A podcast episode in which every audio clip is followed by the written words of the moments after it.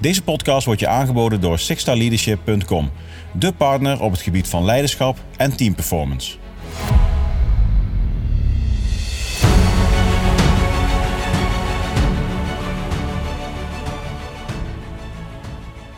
Hallo en welkom dat je weer luistert naar de Six Star Leadership podcast.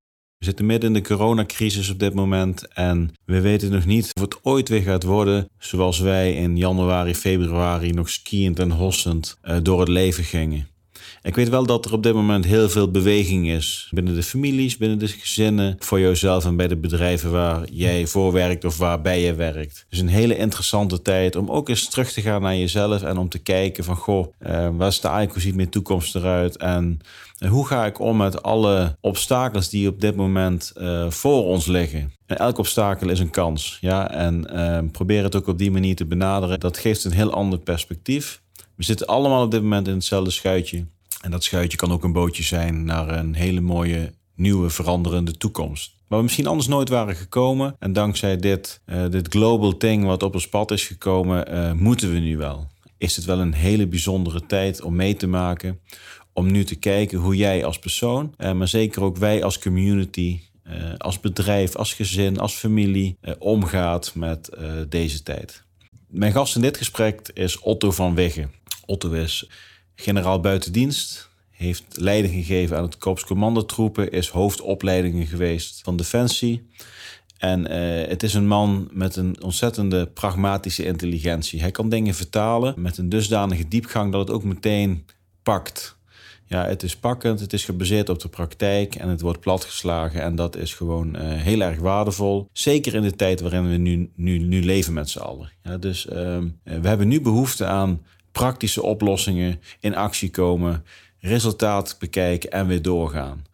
Nu bij de pakken neer gaan zitten of uh, nu op zoek gaan naar de meest intelligente oplossingen, dat werkt gewoon niet. Leiderschap is ook gewoon dingen gaan doen nu. Dingen ondernemen, in beweging komen en ook eens een keer dat risico nemen wat je voorheen niet deed. Want je zult zien, meestal gaat het allemaal wel goed. En uh, Otto van Weg heeft een boek geschreven. Dat is Niemand is belangrijker dan het team. Ja, en eigenlijk zijn we nu op dit moment met z'n allen één groot team. Samen zijn we sterk. En in het boek uh, wat Otto geschreven heeft, heeft, daarin omschrijft hij ook ontzettend duidelijk: samen als team optreden, luisteren naar elkaar en dan echt luisteren. En niet luisteren om te reageren, maar eens goed nadenken: wat zegt die persoon nou precies? Wat bedoelt hij? Wat kan ik ermee? In plaats van luisteren om te reageren. Denk als een team, denk in samen en op die manier ben jij in staat om dingen voor elkaar te krijgen die je voorheen niet mogelijk achtte. Nou, Otto heeft een heel mooi boek erover geschreven, heeft een bak en ervaring opgedaan in zijn meer dan 40 jaar ervaring bij de krijgsmacht. Dit is een mooi gesprek geworden. Eh, ik ben erg trots dat ik Otto als gast heb mogen ontvangen. En eh, ik wens jou heel veel luisterplezier, heel veel succes, sterkte en vooral moed om in deze tijd de dingen te gaan doen die goed voor jou en je omgeving zijn. Veel luisterplezier. Hey Otto, welkom. Ja, dankjewel. Heel erg leuk dat wij hier zitten. Ja. Een aantal dingen die ons verbinden, denk ik. Ik heb een paar dingen opgeschreven. Enerzijds, ik geloof ook heel erg dat, het, uh, dat niemand belangrijker is dan het team. Dat is ook een van de dingen die bij ons uh, in 2007 heel vaak voorbij kwam. Nou, Erik Braken, die naam zal uh, wellicht nog vaker gaan vallen dit gesprek. Ehm, je bent commandant geweest, Korps Commandotroepen, Luchtmobiele Brigade. Je hebt heel veel gedaan voor opleidingseenheden voor de landmacht. Voor mij ben je als commandant van Otco geweest. Dus opleiden is jou niet vreemd. Um, je bent zelf ook onderscheiden voor de bronzen soldaat. Ja. Wat is de bronzen soldaat en uh, waarvoor heb jij hem ontvangen? Ja, dat, is eigenlijk een, um, een verzameling van, uh, laat ik maar zo zeggen, wapenfeiten tussen haakjes. Want de bronzen soldaat gaat niet over operationeel inzet. Ja. Het gaat over verdienstelijk zijn voor de landmacht gedurende langere tijd. Dus het heeft eigenlijk niets te maken met operationeel inzet. Het is ja. meer de dingen die ik gedaan heb voor um, voor de landmacht. En dat heeft te maken met nou, het feit dat ik uh, bijvoorbeeld tien jaar lang hoofdredacteur geweest ben van het blad Infanterie. Ik ben heel lang wapenhoudster geweest. Mm -hmm. En vanuit die verantwoordelijkheid heb ik ook van allerlei initiatieven ontplooid hè, om die, die infanterie ook te verbeteren, op een hoger ja. niveau te tillen. Dat heb ik doorvertaald ook naar het opleidings- en trainingscommando. Um, maar het gaat ook bijvoorbeeld over eh, mijn verdiensten als ehm, de transformatie van het Korps Commandotroepen. Eh, Ik ben daar vier jaar lang baas van geweest. En ik heb dat uiteindelijk toch, eh, ja, ik ben wel aan de, ik heb aan de ontwikkeling eh, heb ik, eh, heb ik mogen bijdragen. Tot een Special Forces eenheid en hetzelfde geldt met de luchtmobiele brigade.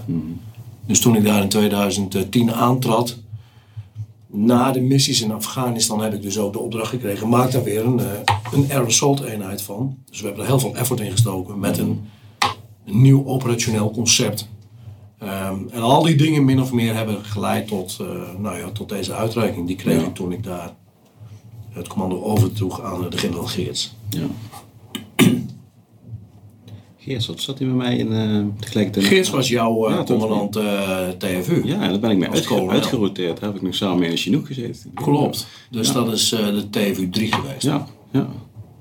Ja, grappig. Kleine wereld, hè? ja dat zie je maar. Hey Olt, je hebt een heel mooi boek geschreven. Eh, niemand is belangrijker eh, dan het team. Ehm, ik heb ook eh, de podcast van, met Ed en Muis geluisterd. Op een gegeven moment, wat me heel erg opvalt in dat, in dat gesprek, dat is één ding die me is bijgebleven, er zijn meer mooie dingen, maar dat je op een gegeven moment zegt van, je hebt de dienstplicht.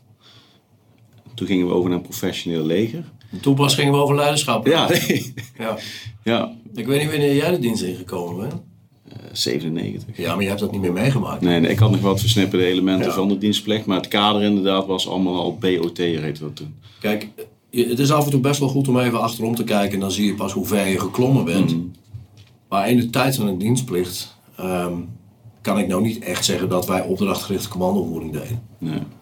En die dienstplichtigen werden toch eh, van 's morgens vroeg tot 's avonds laat best wel door ons eh, begeleid, gecontroleerd. We zagen natuurlijk ook best wel dat die jongens heel veel zelf konden. Maar als we het over leiderschap hebben, die term kwam helemaal niet naar voren in die tijd. Of empoweren of eh, de kracht van je mensen gebruiken. Dat deden we wel. Maar dat geef ik ook aan in, in, in dat gesprek met Edwin. Misschien omdat we gewoon onbewust bekwaam waren, dat we daar toch op de een of andere manier rekening mee hielden. Maar als je de doorsnee dienstplichtige vraagt uit de tachtiger jaren hoe die bejegend is, nou, dan, dan, zal, dan zal het antwoord niet zo positief zijn. Puur vanwege het feit dat leiderschap begon pas. Eh, De mentale component begon pas toen wij daarover nadachten. eh, toen de eerste eh, vredesoperaties begonnen. Toen gingen we echt pas Maar was het ook dat niet bij, bij, bij, bij een KCT bijvoorbeeld, dat er in die tijd wel al wat op een andere manier nagedacht werd over opdrachten? En, Nee, ik moet eerlijk zeggen, toen wij met dienstplichtigen werkten, ik, ik vond ons nog niet echt volwassen in de zin dat wij optimaal gebruik hebben gemaakt van de denkkracht en, de, en, de, en het initiatief van onze mensen op het laagste niveau, de dienstplichtigen. En we wisten het wel. En die doorsnee dienstplichtige, die was natuurlijk best wel goed opgeleid. ja.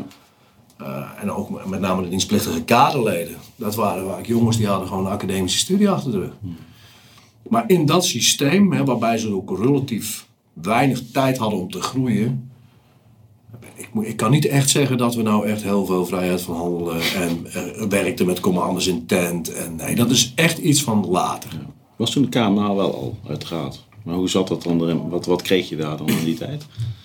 Nou ja, goed, ik, ik heb dat volgens mij tegen Edwin ook gezegd. Alles wat ging over besluitvorming was commandovoering. Ja. En als ik echt kritisch terugkijk, dan kan ik me niet herinneren dat wij ooit echt goed gekeken hebben naar het, het menselijke verhaal. Wat betekent dat voor de mensen? Wat, hoe, wat betekent dat voor de kerels? Aan de andere kant, ik begon als luitenant, of ook als, als, als vaandrig bij de detachering. En dan wist hij gewoon, het kader eet gewoon als laatste. Je gaat niet als eerste in de rij staan. En dus die beginselen, Dat deed je gewoon niet. dat, dat, werd er gewoon, dat was een uitgangspunt. Net zoals dat je als, eh, als eh, commandant, of het nou pelotons of kompiescommandant was, je was verantwoordelijk voor wat je mensen uitvraten en fout deden. Sterker nog, daar werd jij over aangesproken. Niet de kerels in eerste instantie. En dus dat, dat, dat waren van die ongeschreven wetten, die, die op de een of andere manier ja, gewoon overgeleverd Ja. zijn. Heeft het ook te maken met flexibiliteit dan? Want als ik, ik, heb, ik heb ergens een keer genoemd, heb ik het over koude oorlog leiding geven.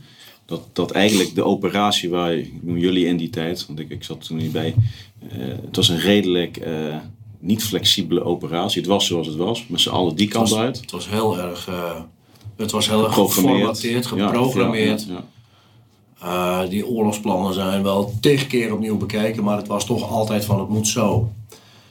En als ik kijk naar hoe wij in de tachtig jaren ons focusten op het verdedigend gevecht, hoe, hoe, mathematisch en hoe technocratisch bijvoorbeeld ook uh, de middelen toebedeelden. Nou ja, goed, het, het was op zich, uh, en hetzelfde geldt met die basisgevechtstechnieken, het was op zich best wel uitlegbaar, maar het was ook gemaakt voor een systeem waarbij we wisten de mensen die dit moeten uitvoeren, daar hebben we niet al te veel tijd voor. Dus laten we ze ook een simpele oplossing geven die voor een groot gedeelte voorgeschreven is. Ja. Maar het echte handwerk, en dus wanneer wordt iemand nou handiger en, en, en ervaren en, en echt een professional is als hij het maar vaak genoeg doet. Ja, dat kan die dienstplichtige niet. Ja. En vergis je niet, hè, ik bedoel, als kompiescommandant heb ik ook altijd gewoon de dingen wel gedaan volgens het boekje. Zoals we opgevoed of opgeleid zijn in de A-cursus en in de en in onze standaard oefeningen.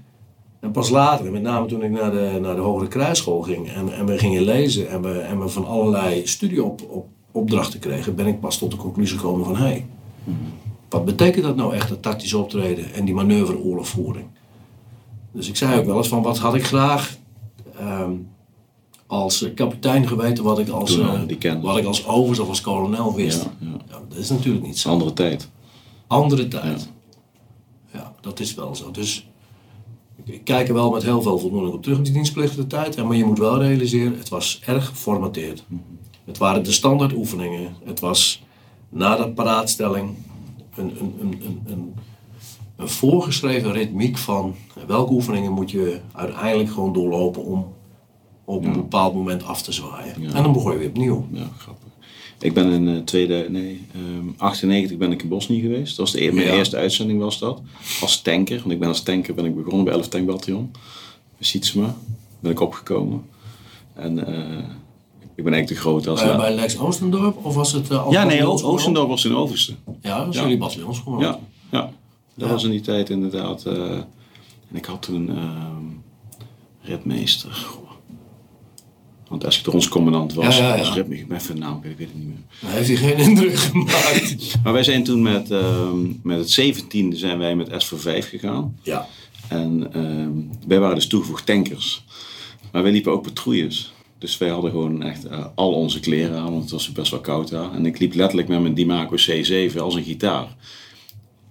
Maar in, in, die tijd wist je dat helemaal niet. Er was ook helemaal niemand die dat tegen ons zei. En toen kwam ik een paar jaar later, ging ik dus naar Afghanistan toe. En als ik dan terugkijk naar hoe ik die uitzending vanuit ja, semi-dienstplicht slash net beroeps, ja. hoe wij daar rondliepen, we wisten helemaal niks. Want Bosnië was natuurlijk ook echt een, uh, ja, het was een post-conflict operatie, het was een vredesoperatie. Ja. Want hoe vaak heb jij nou met die Leopard daadwerkelijk dingen gedaan? patrouilles gereden. Ja, dat bedoel ik. Met, met tegenzin van de bevolking. Maar die niet mee knokken. Nee, nee, die nee. Niet mee nee, nee, nee, nee, dat was... Ja, dat, dan heb jij in Afghanistan in 2007 hele andere dingen meegemaakt. Maar graag een tank gehad. Ja, dat kan ik me goed voorstellen. Ja. Nou ja, goed. Ja. Jullie hebben de IPR ook als een vorm van escalatiedominantie gebruikt. Ja. Maar manoeuvreren en anticiperen op wat de vijand doet. Ja, dat is natuurlijk een volslagen ander gevecht in Afghanistan dan wat jij in Bosnië meegemaakt hebt. Ja. Ja, maar die kwaliteit en flexibiliteit, die curve die is misschien na de dienstplicht omhoog gegaan, maar die is daarna nog een keer omhoog gegaan wat betreft professionaliteit. Absoluut. Elkaar beter maken, elkaar ook gewoon uitdagen en zeggen van ja jongen, gas, zo hou je die bugs niet vast. Het is geen gitaar, want ik dacht ik liep in Bosnië gewoon zo rond. En heeft nooit iemand tegen mij gezegd. En, dat heb ik nee, een andere operatie. Ja, ja, Maar wel een noodzakelijke opstap om uiteindelijk ook op dat niveau te komen. Want het heeft ons ook als organisatie heeft het ons professioneler gemaakt. Veel geleerd. Ja, zeker. Ja. Ja, Otto, zit meer met wapenoudsten. Um, de wapenoudste die ik ken vanuit Boreel, waar ik natuurlijk de laatste jaren veel bij heb gezeten, uh, zijn ook gek van het vak. Uh, ja. Historie, de eenheid. ja. Hoe zit dat bij jou? Ja, dat, dat ligt wel heel erg. een open deur, maar. Nou ja, goed. Ik, ik, ik wil niet denigrerend overkomen, maar in het verleden ging het wel over uh, kleurtjes ondergrond mm. en over tradities en over dat soort zaken. Ja, daar loop ik niet warm voor. Ik loop wel warm voor waar we het net over hebben, over de inhoud, het vak, het operationele vak. Dus uh, daar heb ik ook met name mijn tijd en, en mijn effort in gestoken. Om, om de, het wapen der infanterie op een kwalitatief hoger niveau te krijgen. Dat vond ik wel heel boeiend om te doen. Want dan maak je met name gebruik van al die ervaring van, van die jonge gasten die, die dus die uitzendingen meegemaakt hebben. En die daar ook gewoon goede, eh, goede ideeën over hebben. En dat ook goed kunnen doorvertalen van wat moeten we hiermee als organisatie. Dus ik heb met name die Wapentraditieraad als een forum gebruikt ook om, om, om dit soort ervaringen met elkaar te bespreken. Dus gingen we ook inhoudelijk kijken naar bepaalde operaties die we in Afghanistan uitgevoerd hebben. En Ja. ook kritisch naar kijken. Ja. En wat ik je net al aangaf, hebben we de vijand de wil opgelegd? Of hebben we alleen maar stevig van ons afgebeten op het moment dat hij ons beschoot? Dus die vraag hebben we regelmatig aan elkaar gesteld. Is er al een antwoord op? Nou, ik ben daar niet zo eh, positief over. De uitzonderingen daar gelaten. En dat heeft ook vaak te maken met wie was op dat moment commandant.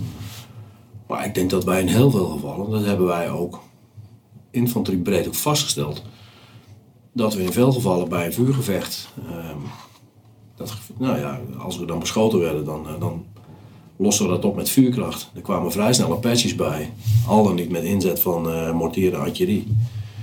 En we gingen terug, we trokken terug. En afhankelijk van, eh, van ja, het tijdstip van de dag besloten we terug te gaan naar de base. Als wij een gewonde hadden, of zelfs een dode, dan stopte de operatie. Dat, dat was bijna standaard. Alles stond in het teken van het veiligstellen of het stabiliseren van de gewonden en het afvoeren. Maar vaak hield dat wel in dat de opdracht gewoon niet meer, niet meer voortgezet Ja. werd. De vraag is of dat goed is. De tegenpartij vond dat prima, want die wist gewoon dat wij zo reageerden. Dus dat is een beetje in algemene zin wat, hoe wij als Nederlandse landmacht ons gemanifesteerd hebben in, eh, in Afghanistan. Ja, en ik vind wel dat je kritisch naar jezelf moet kijken. Dus dat hebben we ook omgedraaid. En we hebben ook vastgesteld van die mindset moet anders. Wij moeten anders hiermee omgaan. Nou, dat heeft onder andere geleid tot het credo van de krijger. Wat uiteindelijk gewoon een initiatief is van mensen van de werkvloer. Die hebben dat uiteindelijk ook voorgesteld. Dus voor mij was dat makkelijk. Ik kon dat ehm, mogelijk maken, dat ze daarmee kwamen. En we hebben het alleen maar op een gegeven moment ook samengevat en vastgesteld. Dit is het dan. Dus dat, dat, ehm, dat is mijn rol geweest als uh. En ik vond dat gewoon heel boeiend, want ik, ik leerde en ik las ook heel veel over de ervaring die men meegemaakt had. Ging, iedere keer ging het om, wie is hier uiteindelijk de commandant geweest? Hoe heeft hij zijn eenheid van tevoren geprepareerd? En hoe wordt er in de uitzending, hoe wordt er ook, uh, nou, hoe wordt uiteindelijk ook invulling gegeven aan wat hij wil? En er zijn ook commandanten geweest die hebben als, uh, als uitgangspunt gehanteerd, ik wil met iedereen veilig terugkeren. Ja, dat kan dus niet. Dat is, dat is in mijn optiek gewoon een, een irreële doelstelling als je naar een, uh, een oorlogsgebied gaat waarvan je weet dat de andere nationaliteiten die daar actief zijn dagelijks gewoon uh, gewonden en, uh, en, en, doden te betreuren hebben. Dan kun je dat nooit als doelstelling hebben. Zie je dan botsingen binnen zo'n eenheid, hoe groot, op welk niveau dan ook, als je daar een verschillende insteken hebt? Als de een zegt van het doel is wel eroverheen gaan en de ander zegt van het belangrijkste is om iedereen terug te krijgen? Een cruciale rol is voor de bataljonscommandant. Hè, want dat was dan toch de, de, de, de bouwsteen die wij op pad sturen in zo'n battlegroep. Um, en dat was een periode van zes maanden. En die was ook verantwoordelijk voor een stuk gereedstelling. Mm. Dus hoe hij daar invulling aan gaf. En hoe hij, dat, uh, ja, hoe hij zijn eenheid daarin meenam. Dat is cruciaal geweest. Nou, ik beschrijf in mijn boek volgens mij ook. De wijze waarop Jans Willens dat gedaan heeft. Mm. Met, uh, met zijn battlegroep. Battlegroep 9 is dat volgens mij geweest. En je ziet dat de jongere kaderleden. De jongere officieren dat ook zien van hé, hey, wacht even, wij zijn goed voorbereid geweest. Ik heb nog een aantal andere voorbeelden volgens mij geschreven. Nou, je hebt zelf gediend onder zo'n commandant die ja. ook nadrukkelijk in de voorbereiding jullie meegenomen heeft van dit gaan wij meemaken en zo gaan we ons daarop voorbereiden. Ja, ja 100%. Dat was voor ons ook wel, wel voor mij persoonlijk de eerste keer dat ik in zo'n omgeving kwam. Van oh, dit is een echte militaire eenheid waar we echt gaan om ja, uh, dat vind ik wel we, kunnen tegen, we kunnen tegen een stootje. Wat is dan echt voor jou? Wat was echt? Ja, die, ja, dat voelde je gewoon in de mindset van iedereen die binnen die eenheid zat. En dat hadden wij op een gegeven moment ook toen wij uh, dat vuurgevecht. Oh, waar, waar ik met Harm dan, dat, dat verhaal. Waar, Ja. waar, Harm dan op een gegeven moment. 15 september. Ja, Harm komt ons ontzetten. Wij zitten vast. En Ja. dat, dat is podcast 5 volgens mij. Ehm, op een gegeven moment zitten wij eh, in een Bushmaster van die eenheid, van eenheid 3. ehm, van Peter dan. En ehm, mijn groep gecombineerd met de groep van Luchtmobiel. En je zag gewoon van, hey, we zitten hier, we willen weer naar buiten toe.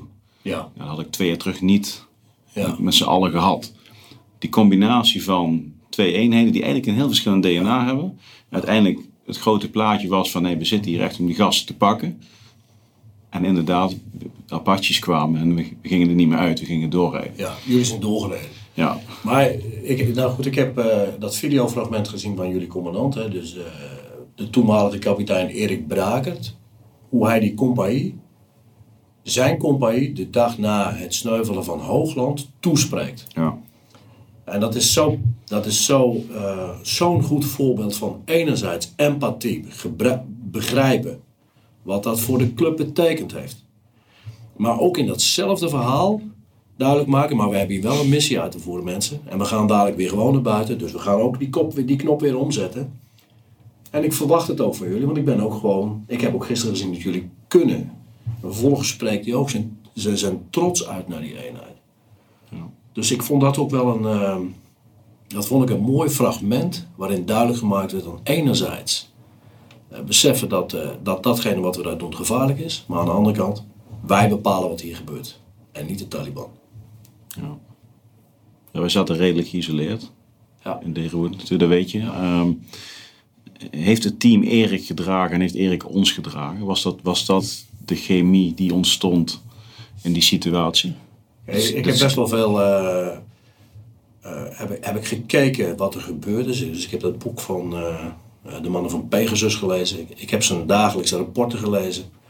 En zijn, zijn, er staat ook een mooi verhaal in getuigenissen van de missie. En dan zie je ook een van jullie pelotonscommandanten die, die beschrijft ook van wat er gebeurd is. Maar die geven ook allemaal aan hoe ze kijken naar die kompiescommandant. En Wat die kompiescommandant voor hun gedaan heeft is de rust bewaard. Eh, onder alle omstandigheden was hij ook buiten. Hij was er voor jullie. Maar hij was ook, hij ging, het, was, het, was, het was ook iemand die begreep dat er op bepaalde momenten ook gewoon getreurd moest worden om verlies. En dat er ook eh, emoties mochten worden laten gezien. En hij heeft die club bij elkaar gehouden. Dus eh, voor mij is zijn rol voor de cohesie in de compie is in mijn optiek cruciaal geweest. Hij is verantwoordelijk geweest als, als commandant voor het bij elkaar houden van een club die, ja, die, die, die gewoon het zeer zwaar voor zijn kiezen heeft gehad. Ja, dus veel verliezen heeft geleden, relatief veel verliezen. Maar toch op de een of andere manier tot het laatste moment. ehm, ook zoiets had, ja. maar wacht even, maar, maar wij bepalen wel wat hier gebeurt. Ja, ja. ja mooi. Ehm, Erik kreeg ook onderscheiding. En Erik komt ook nog in de podcast, dus eh, daar ben ik heel trots op. Ehm, Erik stond ook aan de poort op het moment dat er iets gebeurd was en kwamen terug. Ja, Maar diezelfde man stond twee uur daarvoor nog op die berg als wij daar waren. Dus Ja. dat was altijd, Ja. dat was altijd heel fijn. Je, ziet, je ziet in het boek, beschrijf ik ook van eh, eh, leiden is willen dienen. hè. Het klinkt dan af en toe wel eens een beetje, eh, dat klinkt dan wel eens een beetje geitenwolle sokkerig. Maar daar bedoel ik mee, je dient enerzijds de opdracht, want er moet wel gewoon een opdracht gehaald worden, maar je dient ook je mensen. En die balans, ja, daar vind ik hem wel een fantastisch voorbeeld van, die dat in de praktijk heeft laten zien. Ja. Heeft hem overigens ook heel veel voldoening gegeven. Hij heeft hem ook enorm veel energie gehoord, daar ben ik van overtuigd. Maar moet je nagaan hoe deze man zich voelt als hij weet dat zijn mensen waar hij leiding aan geeft, jaren later nog zo over hem praten. Ja, dat, is, dat is ja. een mooie compliment kun je als commandant niet krijgen. Ja, ja. ja, ik heb het ook met de jongens uit mijn groep. We hebben tien jaar later nog steeds een hele fijne band met elkaar. En dan die verhalen en ook de waardering naar elkaar toe. Dat is gewoon heel fijn. En dat geeft ook... het- Ja, maar het is niet alleen de eenheid, hè, want ik werd, eh, ik werd even, even fijntjes werd ik aangetipt door een van de achterban. Volgens mij was het jouw vrouw. Ja, Op zo'n post op LinkedIn. Zat er zelf de achternaam. Ja, maar wacht even, dit is niet alleen maar Ja, naar, ja, naar, ja. de compie toe, ook de achterban. Hè. Dus dat hele thuisfront heeft ook gezien wat voor, wat voor effecten zijn, zijn leiderschap heeft gehad. Ja, ongelooflijk. Ja. Dan zie je hoe ver het gaat. ja, maar ook heel dankbaar voor hem dus om dit te doen. Ja. Wat, wat, wat zijn twee dingen, als je eruit mag halen, wat dan een leider zoals Erik Brakert eh, onderscheidt van een, van een goede leider? Want je hebt te veel gezien, je, hebt daar, je doet daar onderzoek naar. Wat, wat ik heel belangrijk vind is dat leiders bescheiden blijven. Hun eigen rol uh, nuanceren. Ondanks het feit dat het misschien wel heel belangrijk is. Maar bescheiden blijven. En op een bepaalde manier ook hun mensen beschermen. Dat vind ik super belangrijk. Dat leiders uh, op een gegeven moment ook tegen hun hogere niveau durven zeggen stop. Mm Of let op, dit gaan we nu even niet doen, want dat gaat ten koste van mijn mensen. Dus dat heeft hij heel nadrukkelijk gedaan. Maar hij heeft ook de andere kant van de medaille, het dienen aan de opdracht, heeft hij ook laten zien. Hij heeft uiteindelijk ook gewoon uh, bijgedragen aan uh, de operatie Spin Guard. Hij heeft, uh, hij heeft elementen van zijn compie heeft hij, heeft hij naar Tarin Kot gestuurd. Terwijl het voor jullie zelf al hartstikke moeilijk was om in Derawood überhaupt met een relatief kleine eenheid Ja. enigszins grip op de situatie te houden. Ja. Ik vond ook zijn bevolkingsgerichte benadering, ondanks het verlies van, eh, van een aantal gesneuvelden. Dus daar niet in meegaan met de, alleen maar het willen bestrijden nog van de vijand uit wraak. Nee, we zijn hier alleen maar om. We kunnen het verschil alleen maar maken als we die bevolking aan onze zijde krijgen. Nou, dat, vind ik, dat vind ik sterk. Als een leidinggevende eh, dat overzicht houdt. Dus eh, enerzijds, eh, zoals ik aangaf, dien aan de opdracht, dien aan de mensen. Maar ook van waarom zijn we hier? Dus die duiding, richting geven. Wa- wat gaan we doen? En dat vind ik van een leidinggevende Helder zijn. Ja. Dat, Helder zijn, ja. dat kom ik in de burgermaatschappij nog wel eens. eh, nu dan, hè, kom ik dat regelmatig tegen. Want wat doe je, wat doe je nu, Otto? Nou, ik, ik heb met een, eh, een collega van mij eh, hebben we het bureautje Mission Command. En dat heeft de ambitie om eh, volgens dat eh, beginsel, eh, dus eh, het delegeren van bevoegdheid binnen een commanders intern, naar, de werk, naar het lagere niveau. Eh, en wat wij doen vanuit die filosofie is teamtraining en leiderschapstraining in, in de civiele sector. En dat is hartstikke leuk om te doen. Ja. Maar iedere keer als ik dan ergens kom, kom ik tot de conclusie van eh, hoe goed wij dit bij Defensie geregeld hebben. Ja, en ook daar valt best nog wel eens wat van te vinden. Hè? Want het is niet allemaal goed bij Defensie. Maar bij ons is het er wel met een paplepel ingegoten dat het begint met wat is de opdracht. Ja. En waar leidt die analyse van de opdracht toe? En wat moet ik dan gaan doen? Dat vind ik echt het sterke van. eh, dat verwacht ik ook van een leidinggevende. En dat mis ik nog wel eens in de burgermaatschappij. een duidelijk oogmerk. Nou ja, kijk, de meeste, ba- de meeste bedrijven weten best wel een missievisie te formuleren, maar die is zo algemeen. En voor mij is, eh, het, eh, is, is de lakmoestest van, eh, ja, ga maar beneden vragen bij de receptioniste wat, eh, waarom dit bedrijf er is en wat de missievisie is.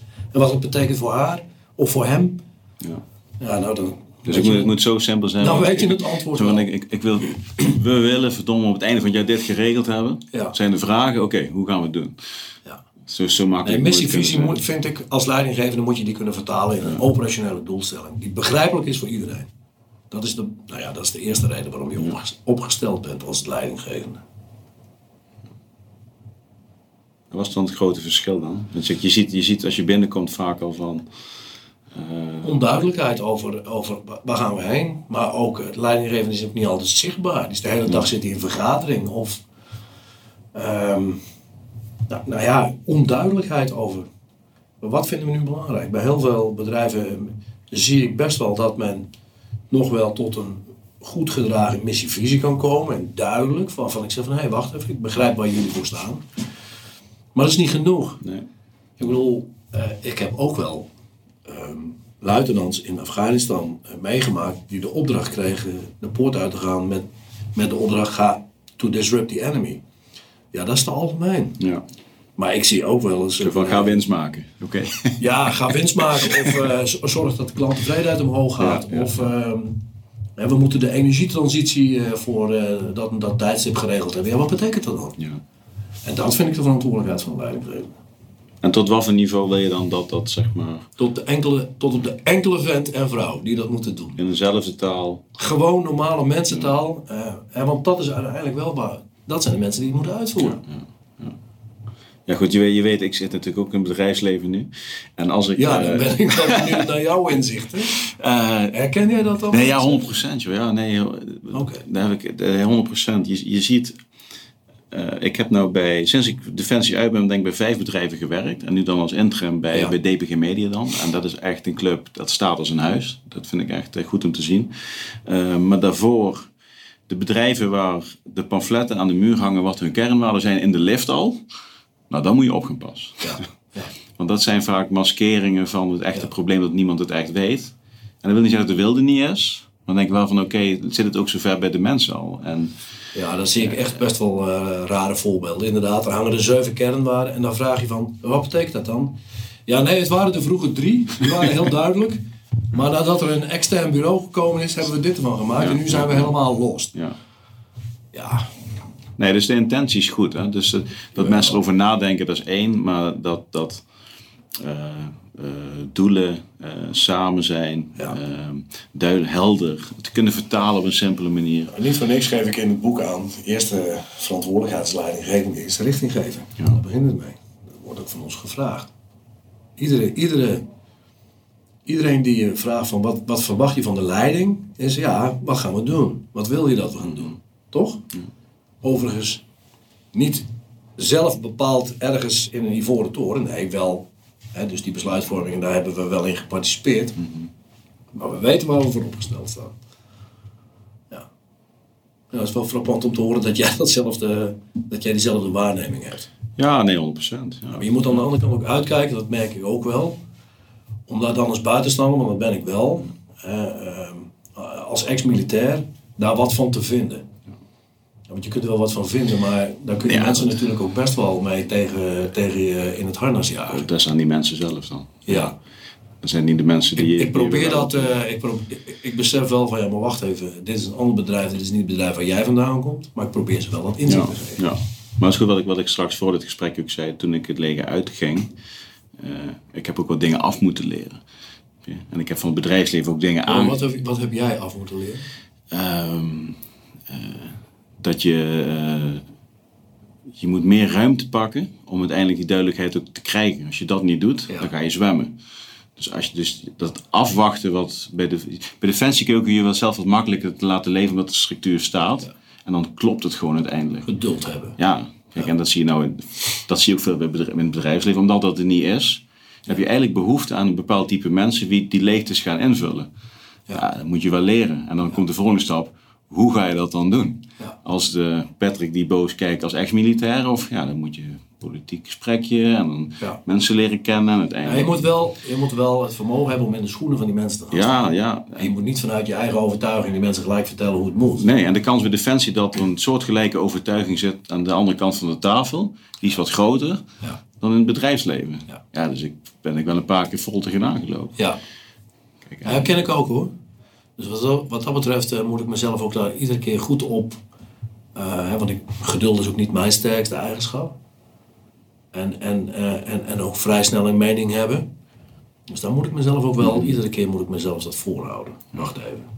Probeer eerst eens te begrijpen wat dit voor bedrijf is. En, en wacht even met je vooroordeel. ja. De militair. Ja, Ja. nou ja, dat, dat- ja dat, dat is dan mijn valkuil. Wat zijn dan twee vooroordelen waar je, waar je eigenlijk altijd wel tegenaan loopt? Nou ja, dat, dat begint al met ehm, duidelijkheid. Dat, dat, dat- daar vind ik dan wat van. Ehm, en, en, en waar ik dat voordeel wat ik inmiddels wel, wel, wel te vaak bevestigd zie, is dat ik zie dat men in het bedrijfsleven heel veel moeite heeft om iemand te wijzen op het feit dat hij dysfunctioneert of dat hij gewoon zijn productie niet levert. Kortom, spreek iemand aan op zijn resultaten, op zijn gedrag. Ja. Dat vinden ze heel moeilijk. Ja. Heb ik bij Defensie ook wel meegemaakt. Hè? Maar daar schrik te wel. durven aanspreken van. Gewoon iemand gewoon, eh, gewoon confronteren met het feit dat je... eh, dat, dat de afspraak die we gemaakt hebben gewoon niet waargemaakt wordt. Hoe moeilijk we dat vinden. Het begint natuurlijk al met het feit van hebben we van tevoren goede afspraken gemaakt dan. Ja. En dat is van twee kanten. Het gaat van twee kanten. Ja. Want, want ik zeg altijd bij, Ja. bij de mensen, bij de, de teams die ik eh, mag, mag begeleiden, zeg ik, mag aansturen. ehm, als ik iets zie, zeg ik het.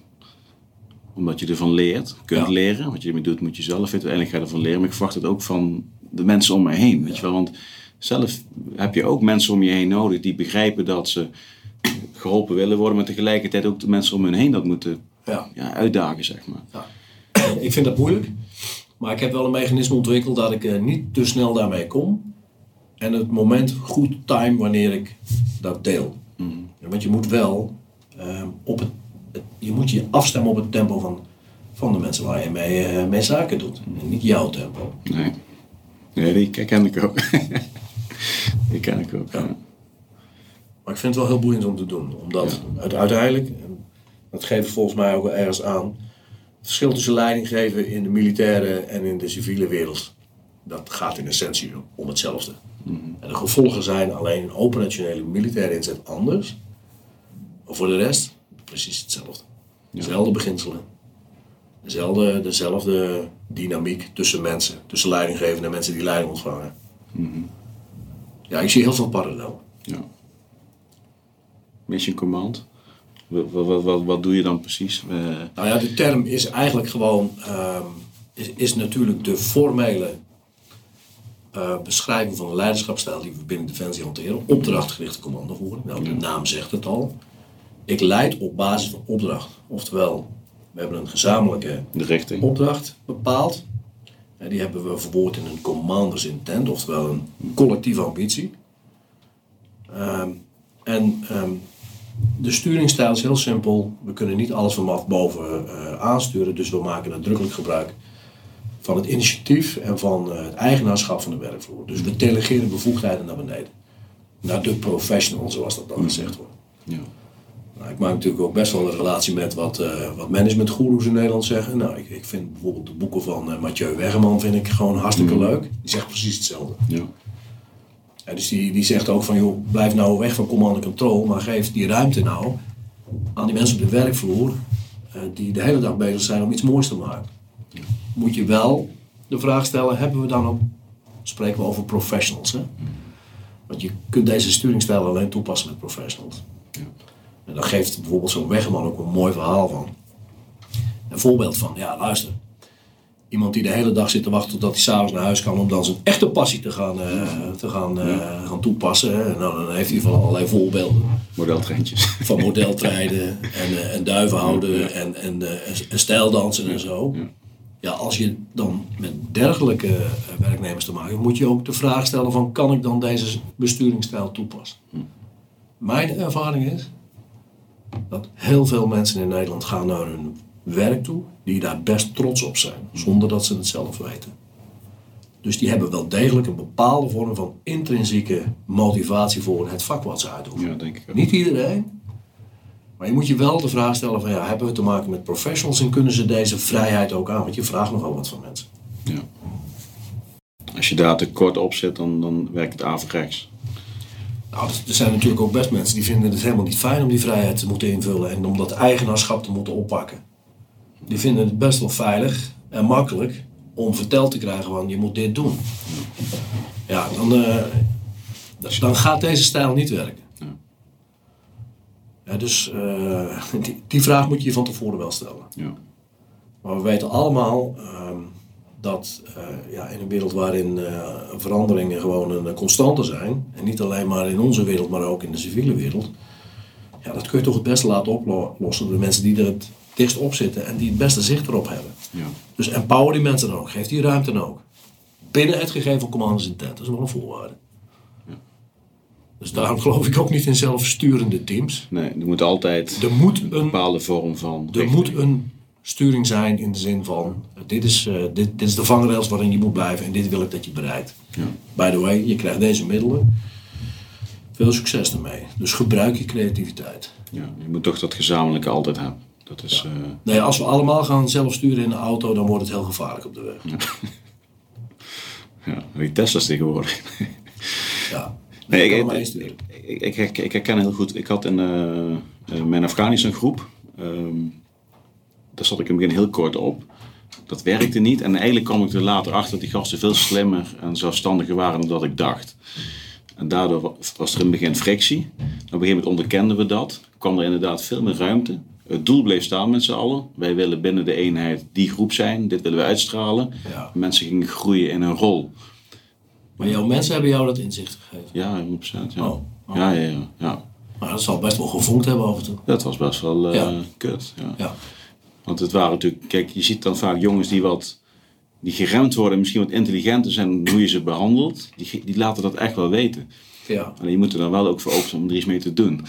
Anders dan blijf je in een soort van conflict met elkaar. En die opdracht die voer je dan wel uit, maar of dat dan ook de best mogelijke manier is, op de leukste manier. Nee, zij komen met zulke goede oplossingen. Ehm, en, en ik heb zelf ook wel gemerkt van, eh, ga dit nou niet zelf proberen op te lossen. Gebruik nou gewoon de denkkracht om je heen, want ja, jij, jij hebt niet het primaat op wijsheid.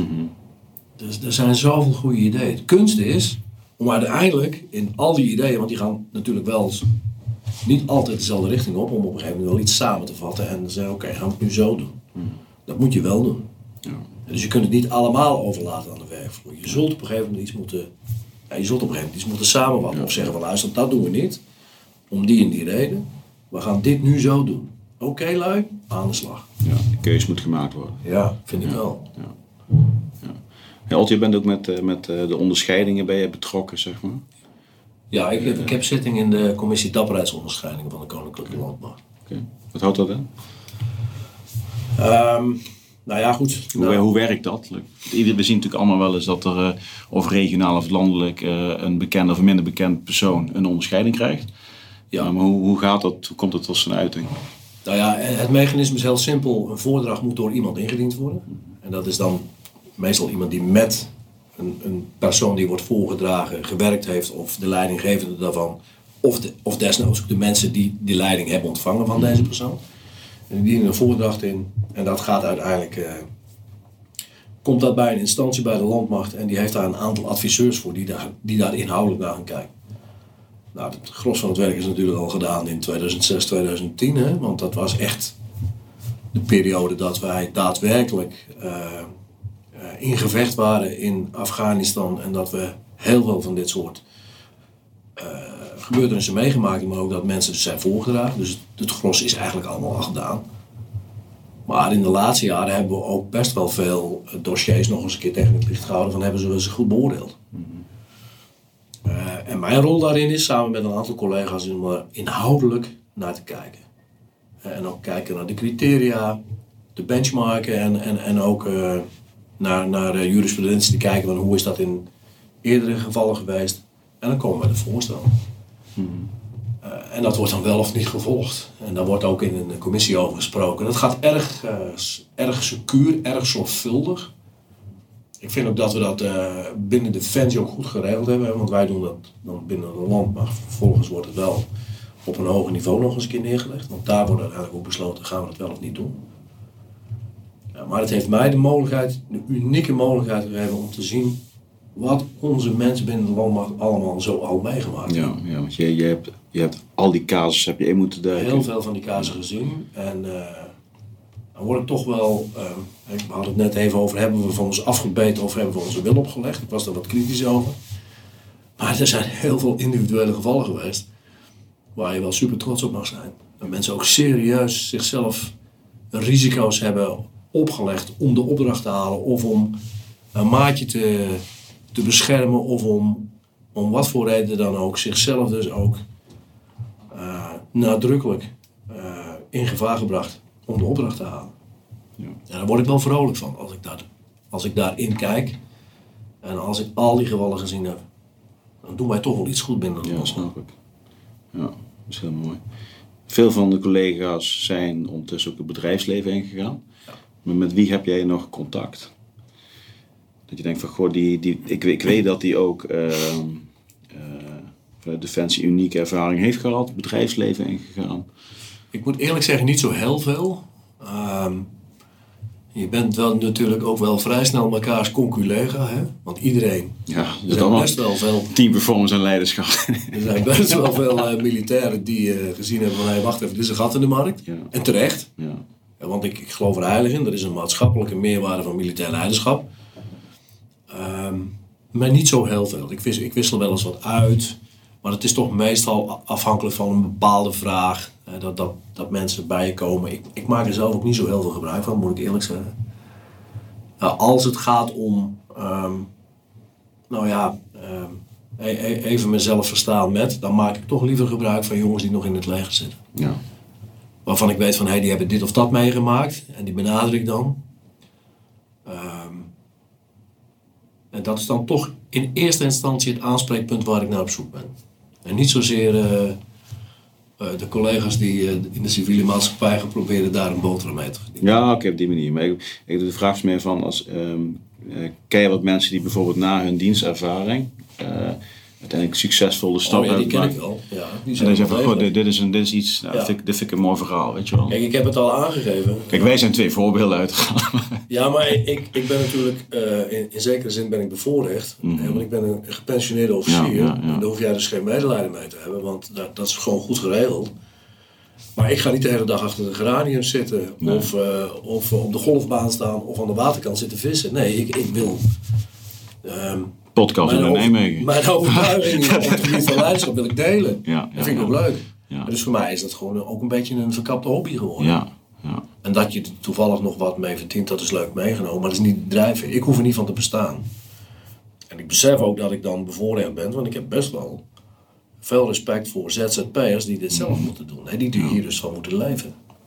Ja. Hè, want hoe, hoe, hoe krijg je nou je klanten? En hoe zorg je nou dat jouw naam dus ook daadwerkelijk ook eh, du- dusdanig bekend is eh, dat je daarvan kunt bestaan? Ik heb, ik heb wel een aantal contacten, maar die zitten wat meer in de civiele hoek. Ehm, ik heb regelmatig heb ik nog wel gesproken met Rijk Binnenkamp. Dat is dan Ja. een, eh, een ex-militair. Die heeft daar ook een eigen coachingsbureau.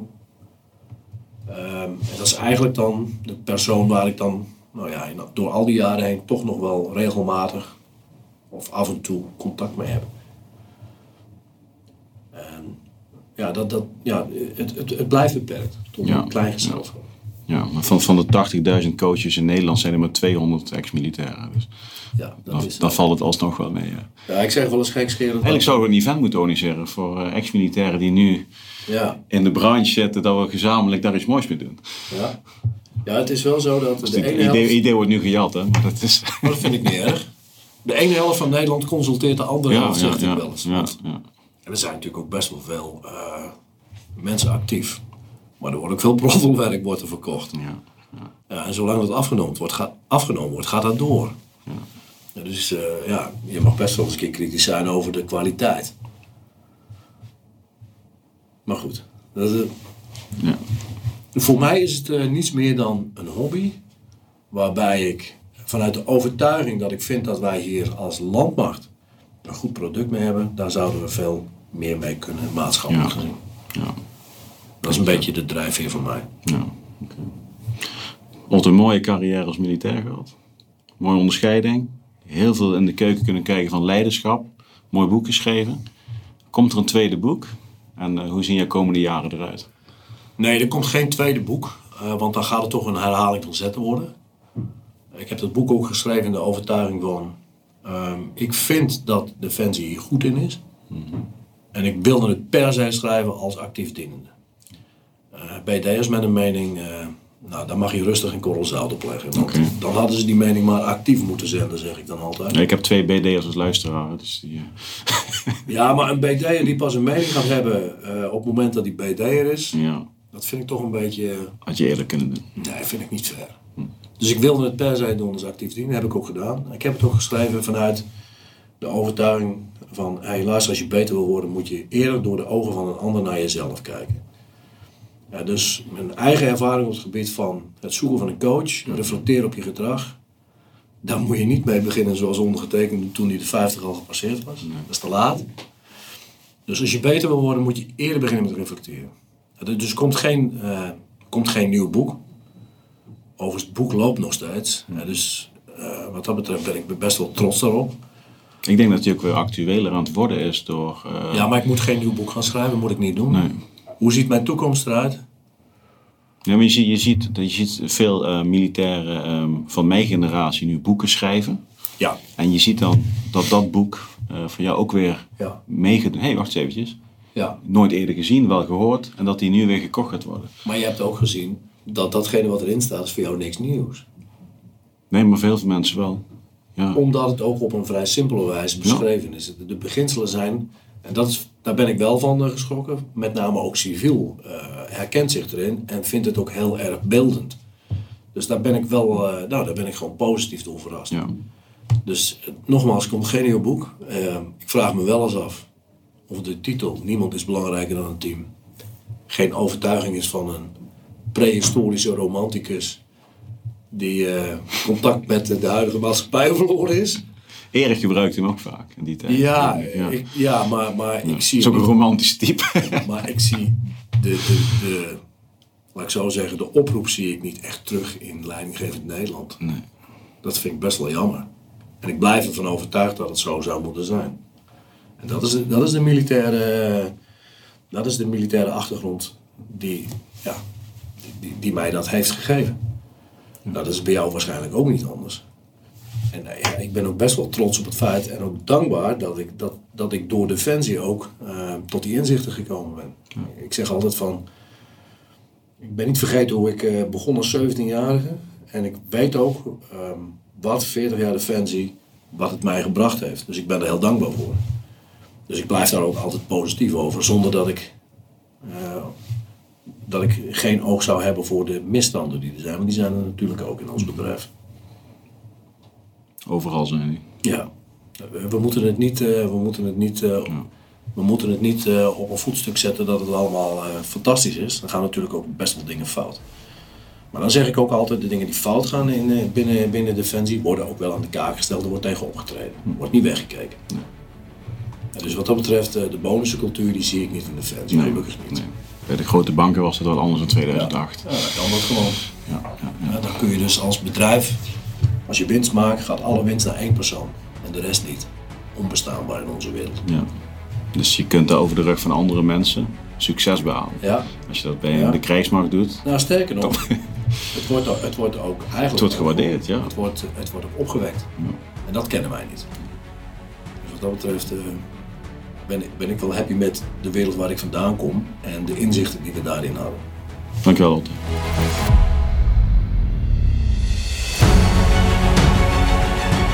En dan komt er weer een einde aan mijn gesprek met Otto van Wegge.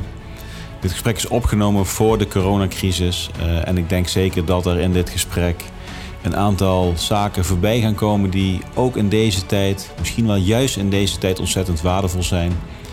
Ik wil jou bedanken voor het luisteren. Ik wil Otto van Wegge bedanken voor het luisteren. Uh, ga naar mijn podcast toe. Uh, kijk naar de linkjes en daar kun je ook het boek van Otto. Niemand is sterker dan het team bestellen. Zeker een aanrader en ook zeker in deze tijd zeer van toepassing. Uh, blijf ons volgen. Ja, ga naar ons YouTube kanaal en bekijk daar ook deze opname. Geef even een, een duimpje om te abonneren. Eh, ben je nog niet geabonneerd op een van de kanalen? Doe dat dan, zodat jij altijd een berichtje krijgt als er een nieuwe aflevering online komt te staan. Uiteraard is een review en een reactie altijd welkom. Want onze missie is om deze verhalen te delen met zoveel mogelijk mensen die geïnteresseerd zijn in leiderschap, zelfleiderschap, teamperformance en alles wat erbij komt kijken. Zeker in acht nemen dat we op dit moment met z'n allen als team moeten gaan functioneren, omdat we toch met z'n allen samen op deze wereld zijn. Eh, is het echt wel in ieders doel dat wij ehm, een bepaalde boodschap delen met elkaar. Ja, en als wij kunnen bijdragen met het delen van dit soort gesprekken, dan denk ik dat dat ontzettend mooi zou zijn. Nogmaals bedankt voor het luisteren. Ik heb er weer van genoten. Otto heeft er weer van genoten. Patrick hier. Einde bericht.